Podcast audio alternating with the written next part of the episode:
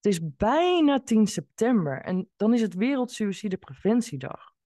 En daarom wil ik mijn steentje bijdragen om openlijk te spreken over een beladen onderwerp, namelijk zelfmoord. Mocht je op enig moment tijdens het luisteren van deze podcast kampen met suïcidale gedachten, of als je naaste bent van iemand die suïcidaal is, neem dan altijd contact op met de hulplijnen. Ze staan onderaan de tekst van deze podcast vermeld. Je luistert naar Mooie Mensen podcast nummer 65 en in deze podcast ga ik het eens een keertje niet hebben over manipulatie en gaslighting. Mijn naam is Kiki Schepens, spreker, schrijver en auteur van het boek Sextortion op het spoor. In mijn werk ondersteun ik met door mij ontwikkelde Feach-methode mensen die te maken hebben met psychisch en of fysiek geweld wat voortkomt uit destructieve relaties. En dat doe ik als gecertificeerd vertrouwenspersoon en als rouwcoach. En daarom richt ik me in deze podcast vooral tot nabestaanden en naasten van suicidanten. Want ik ben niet voor niets rouwcoach geworden. Normaal gesproken wens ik mijn luisteraars veel kijk- en of luisterplezier. Maar bij deze aflevering zou ik eigenlijk willen zeggen: ik wens je veel wijsheid, kracht en inzichten. Voordat ik echt begin aan deze gratis podcast, wil ik je vragen om je reactie achter te laten op mijn podcast en om je te abonneren via je favoriete luisterkanaal. Want de afgelopen weken heb ik heel wat volgers en downloads erbij gekregen en daar ben ik dankbaar voor. Want het helpt en steunt mij enorm in mijn missie, die ik onder andere verspreid via mijn podcasts.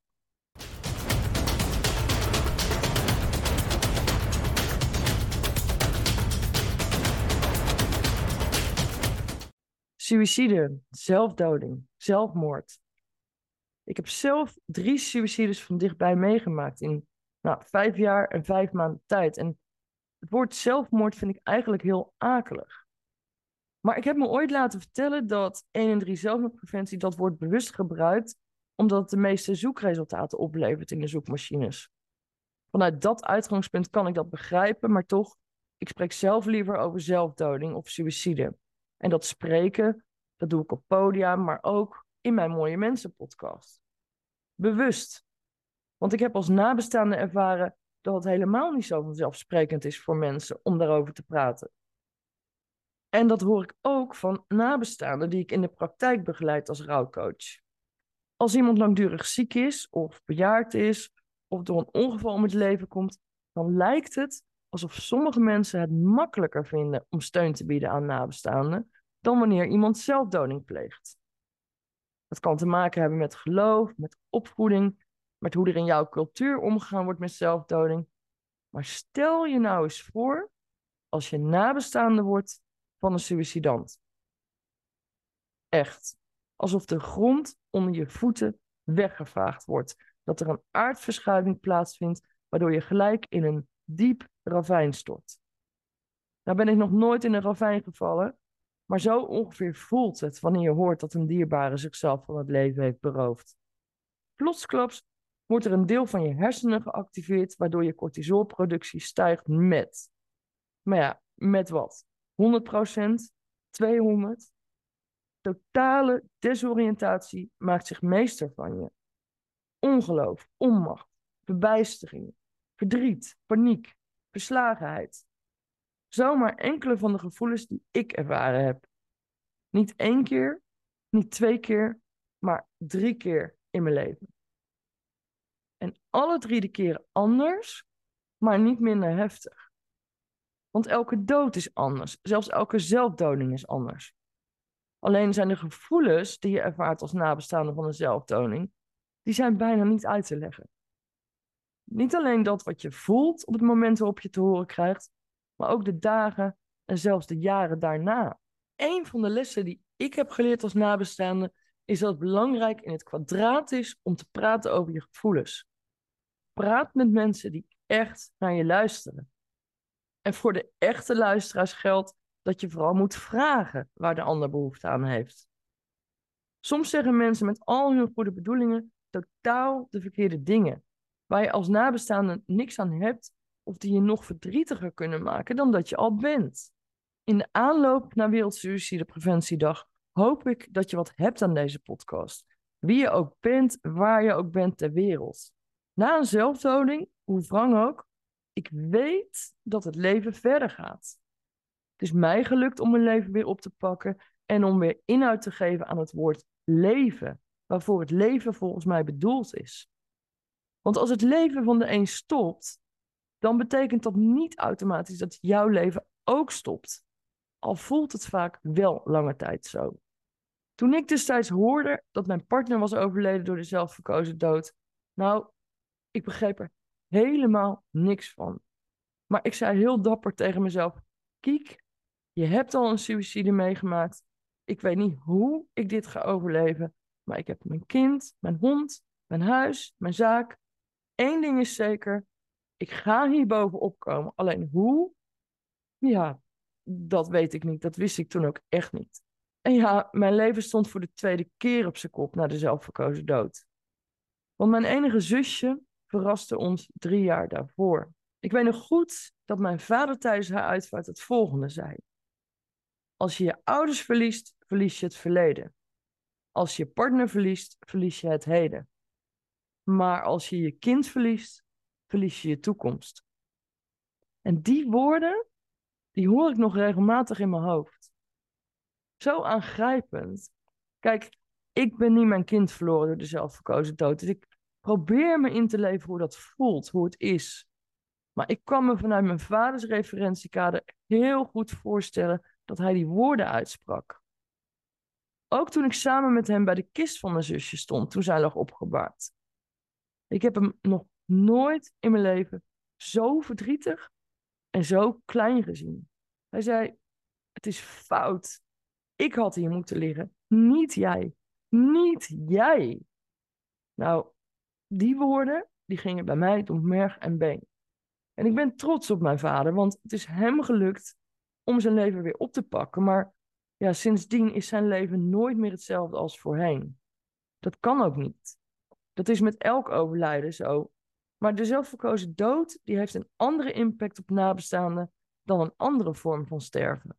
En dat heeft dus onder andere te maken met de omgeving. En met omgeving bedoel ik niet alleen de mensen om je heen, maar ook waar je woont of als je bijvoorbeeld deel uitmaakt van een cultuur. Steun van de omgeving is heel belangrijk. En ik snap ook wel dat het voor de omgeving soms lastig kan zijn om om te gaan met zelfdoding. Maar het feit blijft dat een mens een dierbare heeft verloren en dat verlies als schokkend heeft ervaren. Wat ook vaak om de hoek komt kijken is een stukje victim blaming. Letterlijk vertaald als slachtofferbeschuldiging. Dus het slachtoffer krijgt de schuld of krijgt nog eens een trap na. Ik heb het zelf ook meegemaakt dat mensen van wie ik dacht dat ik steun kreeg, na een paar maanden na het verlies van mijn partner tegen me zeiden: Wat zit je nou nog te janken? Hij wilde toch zelf dood? Of met mijn zusje. Ja, ze was altijd al een beetje apart, toch? En dan dacht ik: Wat maakt dat nou uit? Ik heb verdriet. Ik heb steun nodig. En juist daarom is het heel belangrijk om steun te zoeken en te vinden als je nabestaande bent van een suïcidant. Iemand die je begrijpt, iemand die je hoort, iemand bij wie je je gevoelens en je verdriet kwijt kunt. Iemand met wie je je pijn kunt delen. Want zie maar eens de zingeving van je eigen bestaan terug te vinden naar zoiets heftigs als zelfdoding. Wat ik tegen alle mensen zou willen zeggen, die nog niet zo lang nabestaande zijn van een zelfdoding, is het volgende. En dat geldt eigenlijk ook voor mensen die naasten zijn van een suicidaal iemand. Want mensen die kampen met gedachten aan zelfdoding kunnen zeer manipulerend zijn. Soms bewust, soms onbewust. Maar bijvoorbeeld alleen al als je even een boodschap wilt gaan doen en zo'n iemand vraagt: Hoe laat ben je terug? Alleen al die vraag kan je van binnen heel onrustig maken. Dus luister even naar de adviezen die ik je hierbij graag wil meegeven. Neem je rust. Leef dag voor dag. Geef jezelf elke dag minimaal één complimentje. Schrijf het desnoods op in een schriftje. Blijf in beweging. Praat erover. Neem je tijd. Laat anderen weten wat je nodig hebt, wat jouw behoeften zijn. En Geef duidelijk je grenzen aan. Want daarmee ben je gewoon heel lief voor jezelf. En dat is ook nodig. Want, en misschien wel het belangrijkste van alles, voel je niet schuldig. Onthoud dat, hoe wrang ook, degene die zichzelf van het leven berooft, die maakt die keuze zelf. En er zit een wezenlijk verschil tussen de suïcide en de cry for help. Misschien moet ik dat even uitleggen, maar suïcide is afgeleid van het Latijns suicidere. Dat betekent ik wil sterven, letterlijk ik wil doodwens. En daartegenover staat de cry for help. Kan zijn dat iemand misschien helemaal niet echt dood wilde, maar zich zo rot voelde dat hij of zij een poging heeft gedaan om zichzelf van het leven te beroven. Een schreeuw om hulp. En toch, als die poging, die cry for help lukt, dan is er sprake van zelfdoding. En je weet niet altijd 100% zeker of een zelfdoding voortkwam uit die cry for help of dat iemand daadwerkelijk dood wilde. De suïcide. Je kunt het immers niet meer vragen, want de enige die die vraag kan beantwoorden, die is er niet meer. Wat dan rest, zijn honderdduizend vragen die overblijven. Niet jij hebt de keuze gemaakt dat het leven van de ander zou stoppen, maar die persoon zelf. En daarom hoef jij je niet schuldig te voelen.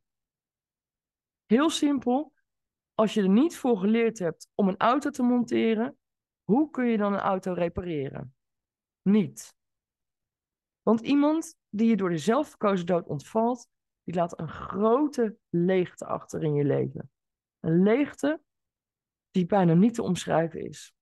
Een leegte die ook niet zomaar op te vullen is, maar een leegte waar jij mee moet zien te dealen. Een ander doet het niet voor je, dus jij moet het doen. Jij bent het die weer zingeving aan je bestaan moet zien te geven. Maar hoe? Want door schuld bij jezelf te zoeken, vraag je het onmogelijke van jezelf.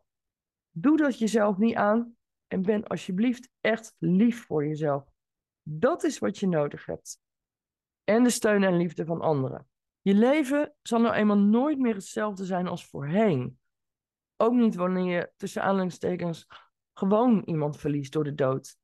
Maar weet dat je niet alleen bent en dat het leven over een tijdje echt anders zal worden. Hoe anders? Dat weet ik niet. De enige die daarvoor de regie in handen heeft, dat ben jij zelf. Pak die regie, hoe moeilijk ook.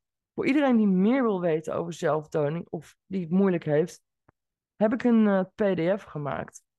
Dat is een stukje uit mijn boek Sextortion op het spoor, met het voorwoord en ja, vol met emoties en gevoelens Situaties die je kunnen overkomen als je nabestaande bent van een zelfdoding.